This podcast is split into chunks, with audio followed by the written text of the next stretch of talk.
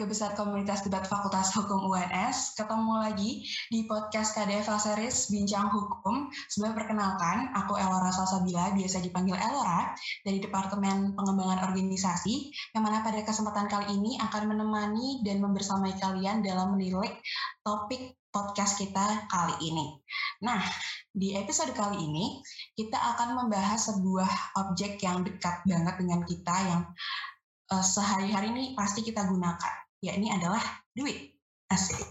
Tapi di episode kali ini duit bukanlah sembarang duit. Lebih spesifiknya kita akan membahas tentang yang sering banget kita dengar akhir-akhir ini, yakni adalah pinjaman online atau pinjol. Eh, gue minjem dong KTP lo buat bikin pinjol, gitu. Ya nggak sih? Nah, jadi buat teman-teman yang uh, penasaran, yang pengen nyoba pakai jasa pinjol tapi masih ragu, pengen tahu benefit dan kerugiannya dari pinjol ini, better kalian simak dulu podcast Bincang Hukum kali ini dengan judul Mengurai Benang Kusut Jeratan Pinjol Ilegal. Nah, seperti biasa, di podcast KDFA, aku nggak bakal sendirian karena aku akan ditemenin sama seorang kakak tingkatku yang cantik dari Fakultas Hukum UNS angkatan 2018 untuk menemani teman-teman menilik lebih dalam tentang serba-serbi pinjol. Karena pastinya kita sebagai mahasiswa Fakultas Hukum khususnya harus banget up to date uh, mengenai isu-isu yang uh, belakang ini happening banget. Nah, dalam posisi kali ini nih, pinjol nih kayaknya udah mulai berseliweran di telinga kita dan menimbulkan keresahan baru gitu di masyarakat.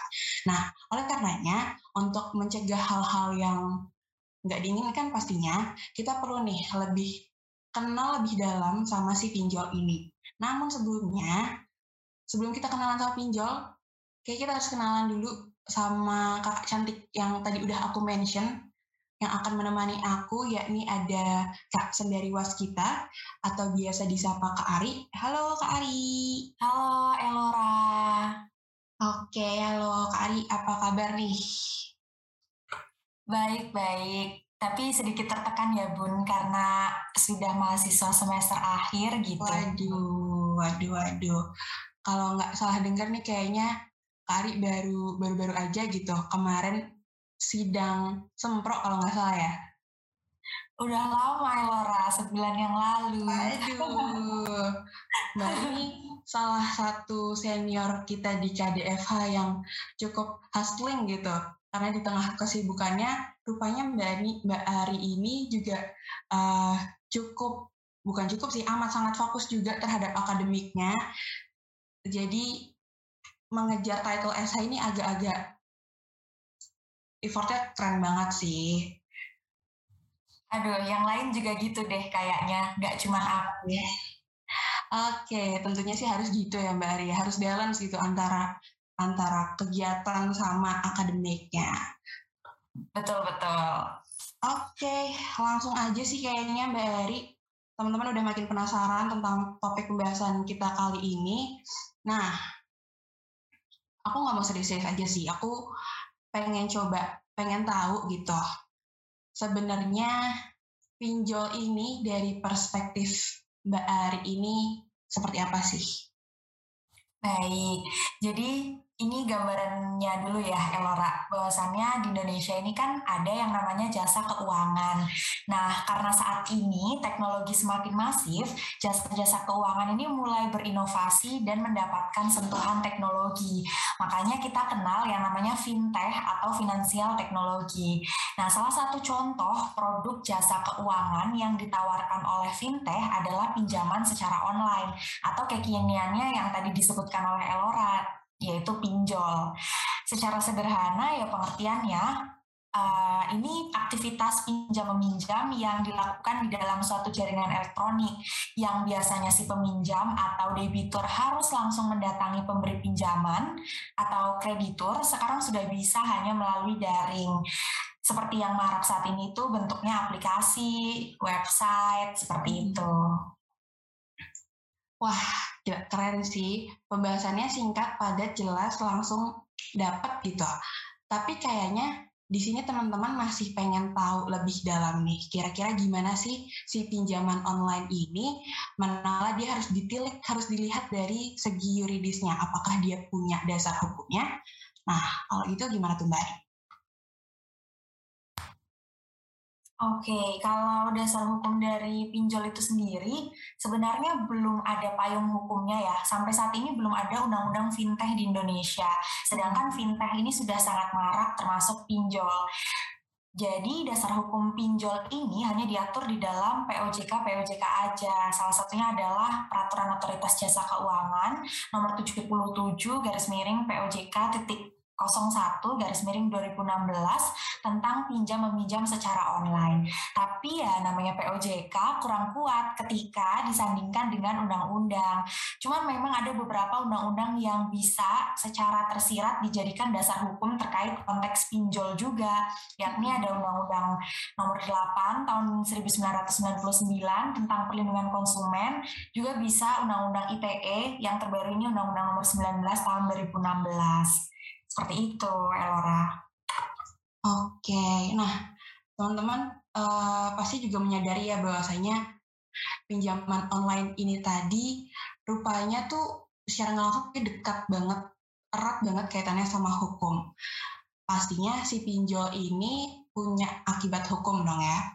Nah, menurut Mbak Ari, gimana sih akibat hukum dari pinjaman online ini, serta uh, apakah ada bentuk perlindungan hukum untuk uh, pengguna pinjaman online?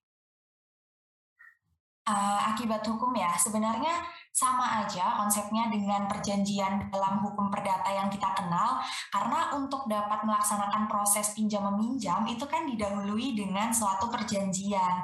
Jadi konsepnya ya sama betul dengan apa yang diatur di dalam BW atau KUH Perdata di mana pada pasal 1313 BW itu kan menyatakan bahwasannya perjanjian ini adalah perbuatan dengan mana satu orang atau lebih mengikatkan dirinya terhadap satu orang lain lebih.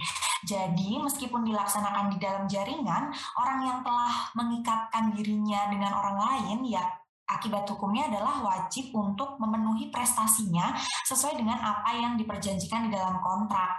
Apalagi kita mengenal yang namanya asas fakta sunt servanda, yang mana semua perjanjian yang telah dibuat itu berlakunya bagaikan undang-undang bagi yang membuat kontrak tersebut. Nah, kontraknya sendiri ini memang agak berbeda ya dengan kontrak pinjam-meminjam secara konvensional, karena pinjol ini kan berarti kontraknya ya kontrak elektronik.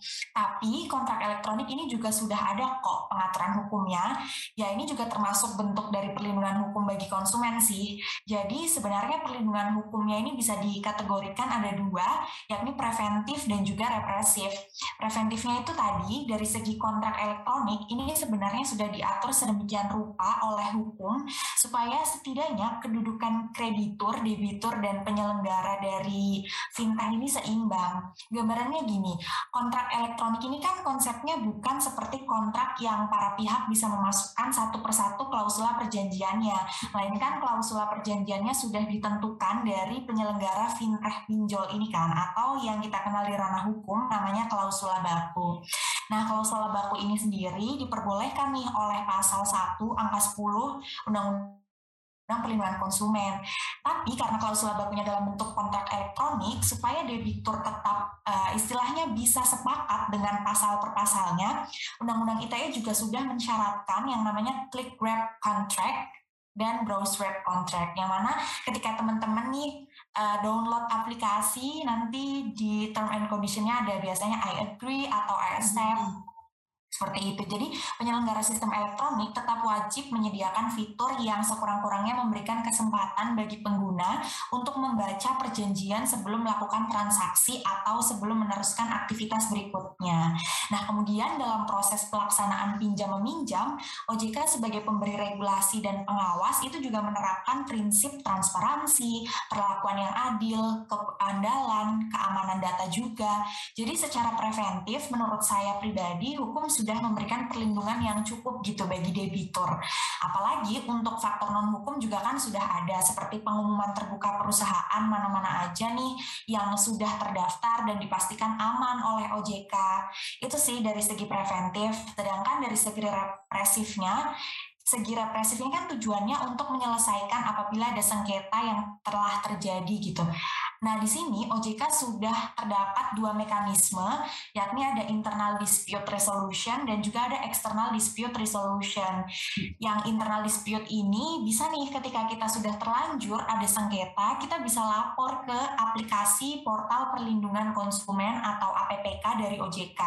Nanti akan ditangani secara internal. Nanti bisa dari pihak OJK memberikan peringatan terhadap penyelenggara fintech tersebut atau menuntut tanggung jawab. Namun bisa juga melalui external dispute resolution, yakni menggunakan lembaga alternatif penyelesaian sengketa atau LAPS, dan juga bisa juga melalui pengadilan. Seperti itu sih kira-kira untuk perlindungan hukumnya secara preventif dan juga represif. Oke, oke. Tadi kita ngebahas tentang uh, pinjol ditilik dari yuridisnya, dari perlindungan hukumnya. Sekarang mungkin uh, kita tarik mundur lagi ke belakang ya Mbak terkait mekanisme dari pinjaman online ini berjalan tuh seperti apa sih? Mungkin di sini teman-teman banyak yang masih penasaran apakah uh, kita tiba-tiba dipinjemin duit dengan begitu saja atau bagaimana? Nah mungkin Mbak Arik ini bisa menjelaskan lebih lanjut nih terkait mekanisme dari pinjaman online ini. Gimana Mbak Arik kira-kira? Oke, okay, terkait mekanisme Uh, sebenarnya di dalam pinjaman online ini kan ada yang namanya penyelenggara. Jadi kita ini ada tiga pihak nih di pinjaman online. Ada penyelenggara, terus ada kreditur dan debitur. Nah, di sini kreditur dan debitur of course dia pihak pertama, pihak kedua ya. Nah, si penyelenggara ini pihak ketiga. Nah, di sini yang pertama penyelenggara itu menawarkan dulu kepada masyarakat untuk berinvestasi yang mana nantinya masyarakat yang berinvest ini akan menjadi kreditur di dalam pinjol. Nanti dana, dana hasil investasi masyarakat akan dikelola dan disalurkan oleh penyelenggara tadi kepada debitur. Jadi di sini penyelenggara bukan diberikan uang ya, tapi hanya sebagai fasilitator aja dari kreditur ke debitur. Setelah itu ya sudah ketika ada masyarakat yang membutuhkan uang, maka uangnya bisa langsung diberikan ke oleh penyelenggara. Tapi hati-hati di sini kontrak atau perjanjian peminjamannya bukan antara penyelenggara dengan debitur, namun tetap kreditur dengan debitur. Hmm. Namun karena ini online dan kan cukup ribet ya kalau harus perjanjiannya antara kreditur dan debitur. Sedangkan kita sebagai debitur misalnya nggak tahu nih kreditur kita sebenarnya siapa. Maka di sini kreditur harus memberikan kuasa yang tegas kepada penyelenggara untuk menyalurkan dananya kepada penerima pinjaman melalui escrow account dan virtual account. Jadi nanti si penerima pinjaman melunasi pinjamannya ini langsung membayarkan ke escrow account penyelenggara untuk diteruskan ke virtual account milik pemberi pinjaman. Jadi di sini uh, debiturnya sebenarnya langsung membayar ke kreditur. Jadi penyelenggara ini memang hanya sebagai fasilitator. Nanti setelah kontraknya disetujui oleh debitur, uang pinjamannya ini nggak ada satu hari benar-benar langsung masuk ke rekening debitur bahkan bisa dihitung jam 4 sampai 5 jam langsung masuk jadi memang semudah dan secepat itu sih kalau pinjaman online. Oh oke okay, oke. Okay. Ternyata oh ternyata beneran semudah itu ya. Maksudnya prosedurnya si pinjaman online ini dan ternyata si penyelenggara ini cuma sebatas jadi jembatan gitu dan uh, transaksinya itu tetap dari ibarat kata dalam tanda kutip antara kreditur dan debitor. Nah, Makanya saking mudahnya si pinjol ini kayaknya nggak heran deh hampir semua orang bisa dikatakan seperti itu ya tertarik sama si pinjaman online ini.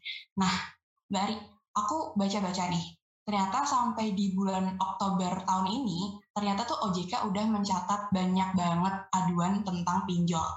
Bahkan itu mencapai angka 9.000, eh, maaf, 9.270 kasus dan pelanggarannya sudah mencapai di angka 10.441 kasus.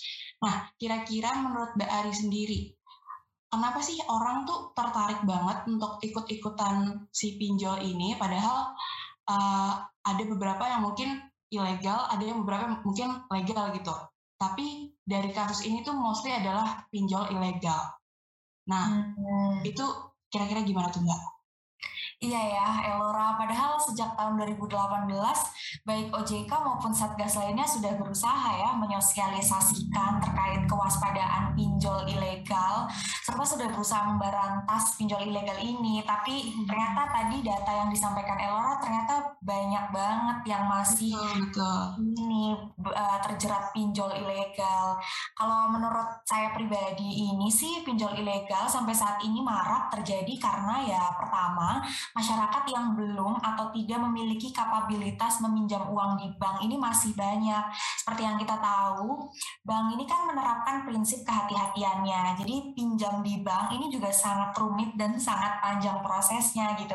Perlu menyerahkan jaminan, data diri yang sangat banyak, saksi, nanti juga pihak bank mensurvei sendiri, uangnya juga turunnya lama dan lain-lain sebagainya. Sebaliknya, pinjaman online ini menawarkan dana yang sangat singkat, mudah, tanpa jaminan. Ya, masyarakat Indonesia rata-rata tergiur, terlepas masyarakat juga luput untuk melek akan informasi terkait pinjol ilegal. Baru faktor keduanya mungkin karena pandemi. Karena ini kan dari 2018 sudah banyak, tapi muncak lagi nih saat pandemi. Ya karena banyak orang yang mungkin merosot tajam ya penghasilannya saat pandemi sehingga banyak orang yang butuh uang baik untuk keseharian hidupnya ataupun orang yang ingin membuka bisnis karena di PHK dan lain sebagainya. Nah, karena butuh uangnya itu dan mungkin kurang melek akan informasi pinjol ilegal tadi, jadi banyak orang yang tidak sadar bahwa ia sebenarnya pinjam di pinjol ilegal. Oke, betul sih Mbak. Ternyata uh, bisa dibilang si pinjol ini mekanismenya mudah banget gitu. Tapi aku pun bisa menarik kesimpulan bahwasanya yang mudah ini belum tentu benar, bahkan patut untuk diwaspadai. Pantesan si pinjaman online ilegal ini tuh laris banget digunakan oleh masyarakat Indonesia terlebih sama mereka-mereka yang awam sama hukum. Nah, kalau gitu gimana sih Mbak sebenarnya pengaturan uh, pidana tentang pinjaman online ilegal uh, apakah si pinjaman online ilegal ini dengan kasus-kasus yang tadi udah uh, kita spill itu melanggar asas-asas atau syarat-syarat perjanjian di ranah perdata seperti itu. Hmm, pengaturan pidananya sebenarnya karena belum adanya undang-undang fintech, jadi kita bisa pakai sebenarnya bukan berarti tidak ada pengaturan pidana ya. Kadang orang ini uh, menganggap oh nggak ada undang-undang fintech atau undang-undang khusus tentang pinjaman online. Jadi menganggap tidak ada aturan pidananya, tapi bisa dilihat di undang-undang ITE nih, karena di undang-undang ITE pun di pasal 32 ini sudah menjamin dan bisa mengamankan para pinjol-pinjol ilegal ini. Karena di pasal 2, di pasal 32 maaf, di pasal 32 ayat satunya itu sudah mengatur bahwasannya undang-undang itu melarang setiap orang yang sengaja dan tanpa hak atau atau melawan hukum, mengubah, menambah, mengurangi, melakukan transmisi, bahkan menyembunyikan suatu informasi ataupun dokumen elektronik milik orang lain gitu. Dan pasal 32 ini diancam pidana dalam pasal 48 Undang-Undang ITE dengan pidana penjara paling lama 8 tahun dan dendanya juga banyak karena dendanya nih paling banyak 2 miliar. Tapi pengenaan pidana ini juga beda-beda disesuaikan konteksnya. Kalau ternyata uh, misalkan pinjol ilegal ini tidak menyebarkan data pribadi, tapi pinjol ilegal ini memakai kekerasan atau ancaman atau menakut-nakuti untuk uh, si debitur membayar gitu ya. Berarti dijeratnya dengan pasal 45B UU ITE yang pidananya nih paling lama 4 tahun dan dendanya paling banyak 750 juta rupiah itu sih jadi disesuaikan konteksnya. Dan itu dari ranah pidana ya. Kalau dari ranah perdata ya jelas melanggar asas dan syarat perjan syarat sah perjanjian dong. Karena mm-hmm. dasar hukum paling dasar nih dari pinjaman online ini kan tadi ya esensi perjanjiannya. Jadi kalau dari 1320 BW kita breakdown syarat sah perjanjian itu kan ada sepakat, cakap, sesuatu yang halal dan objek yang jelas. Jadi di syarat sesuatu yang halal ini ketika kita kontekskan dengan pinjol ilegal berarti sudah tidak memenuhi karena penjelasannya di 1335 BW suatu persetujuan tanpa sebab atau dibuat berdasarkan suatu sebab yang palsu atau terlarang itu tidak memiliki memiliki kekuatan. Ditambah setiap perjanjian yang terjadi wajib didasari dengan asas itikat baik menurut 1338 BW. Jadi kalau pinjol ilegal ya pastinya sudah ada itikat buruk ya. Jadi ini tentu melanggar asas itikat baik dalam perjanjian. Seperti itu, Elora. Oke, ternyata menarik banget ya seluk-beluk tentang si pinjaman online yang dari tadi ini udah Mbak Ari jabarkan kayak gitu. Nah, tapi kayaknya teman-teman ini mungkin masih bingung dan bimbang gitu terkait bedanya apa sih pinjaman online ini sama pinjaman uang secara konvensional. Nah, menurut Mbak Ari sendiri itu gimana perbedaannya? Ini sebetulnya sudah ada sih tadi secara tersirat di obrolan kita ya. Tapi kalau segi poin-poin, yang pertama, pinjaman konvensional ini biasanya menyertakan jaminan berupa barang yang nyata kan atau tangible asset. Sedangkan pinjaman online itu tidak menyertakan jaminan atau jaminannya ini jaminan semu. Semu di sini karena kelihatannya tidak ada jaminan karena kita hanya memasukkan KTP sudah bisa mendapatkan uang gitu. Tapi sebetulnya Iya, tapi sebetulnya jaminan kita adalah seluruh data-data pribadi kita atau ini bisa disebut intangible asset. Kedua, uh, perbedaannya adalah of course pinjaman konvensional ini dilaksanakan secara tatap muka, kemudian ada perjanjian secara langsung baik lisan maupun tulisan, sedangkan pinjaman online dilaksanakan secara daring. Bahkan tadi itu si peminjam tidak tahu siapa krediturnya, jadi perjanjiannya ya hanya melalui kontrak elektronik tadi. Oke, kurang lebih mungkin kayak gitu ya teman-teman terkait perbedaan pinjol sama peminjaman uang secara konvensional. Semoga uh, next time nih teman-teman bisa ngebedain antara dua pinjaman ini supaya kalau emang butuh banget pinjaman, kalian nggak salah langkah. By the way, ngomongin tentang pinjaman ini sendiri, kita tuh tahu kan ya bahwasanya jasa pinjol ini memberikan syarat yang begitu mudahnya kayak sebatas KTP aja kayak gitu. Nah kalau dari Mbak Ari sendiri ada nggak sih tips dan trik gimana caranya untuk menggunakan pinjaman online ini secara bijak? Uh, secara bijak ya tips and trick.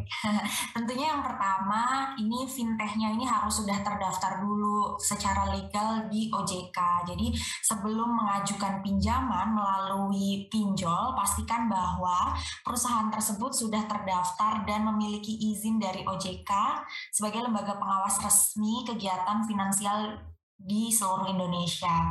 Nah, bagaimana cara untuk memeriksanya? Teman-teman bisa buka di websitenya resmi dari OJK ataupun hubungi telepon pada nomor sekian-sekian. Eh, kalau nggak salah 157 gitu. Aduh, udah kayak brand ambassador OJK nih saya. Yang kedua, uh, tips and triknya yakni mungkin ya ini tapi emang ini penting sih baca ulang perjanjian atau term and conditionnya.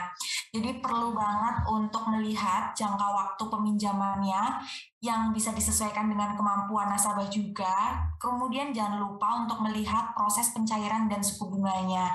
Kira-kira masuk akal nggak sih pinjam dengan nominal sekian tetapi bunganya sekian gitu kalau menurut OJK ini sudah dilampirkan di dalam websitenya sebenarnya untuk me mengetahui pinjaman online ini ilegal atau tidak ini sebenarnya ada dua L logik dan legal itu tadi. Jadi harus logik dan sudah tahu nih bahwasannya ini terdaftar benar-benar terdaftar di dalam website dari OJK kemudian di sini uh, biasanya aplikasi pinjol legal ini kan biaya dan bunganya transparan, jadi bisa dipercaya keamanannya karena selalu memberikan rincian biaya dan suku bunga. Bahkan disediakan juga loh beberapa aplikasi pinjol itu fitur untuk melakukan simulasi pinjaman dulu oleh nasabah supaya mereka mengetahui berapa cicilan yang harus dibayarkan setiap bulan, berapa besaran biaya bunganya dan lain sebagainya. Jadi bijak-bijaklah dan dipikir berulang kali dalam menganalisis sebenarnya pinjaman online yang kita tuju ini aman atau enggak. Terus satu lagi sih mungkin tips and triknya kalau nggak butuh-butuh banget sampai di titik nadir kehidupan gitu ya, kayaknya nggak usah deh pinjaman online karena memang resikonya tinggi dengan segala keuntungan dan kemudahan yang ditawarkan memang. Tapi kalau memang butuh tapi nggak butuh-butuh banget ya usahakan melalui bank aja atau lembaga pembiayaan di Indonesia ini kan juga banyak. Apalagi uh, ketika orang pinjam online hanya untuk lifestyle gitu misalnya nah itu usahakan nggak usah ya teman-teman. Karena barangkali kita terjerumus walaupun kita sudah uh, mengantisipasi gitu. Itu sih Nah, uh, kami dari tim podcast KDF Awareness sendiri juga mau mengucapkan terima kasih buat teman-teman yang selalu setia menantikan dan mendengarkan podcast Bincang Hukum KDFH. Oke, jadi teman-teman gimana sampai saat ini apakah mulai tertarik atau mulai agak minder sama si pinjaman online ini? Semoga tetap bisa uh, keep it safety. Uh, kalau dari aku pribadi, jangan lupa sih untuk menantikan podcast Bincang Hukum selanjutnya, episode-episode selanjutnya, yang tentunya nggak kalah seru membahas topik diskusi yang up to date lainnya. Semoga teman-teman tetap sehat selalu, always stay safe and stay healthy. Terakhir, glory, victory, superior. Thank you semuanya. See you Thank on the next episode. Thank you.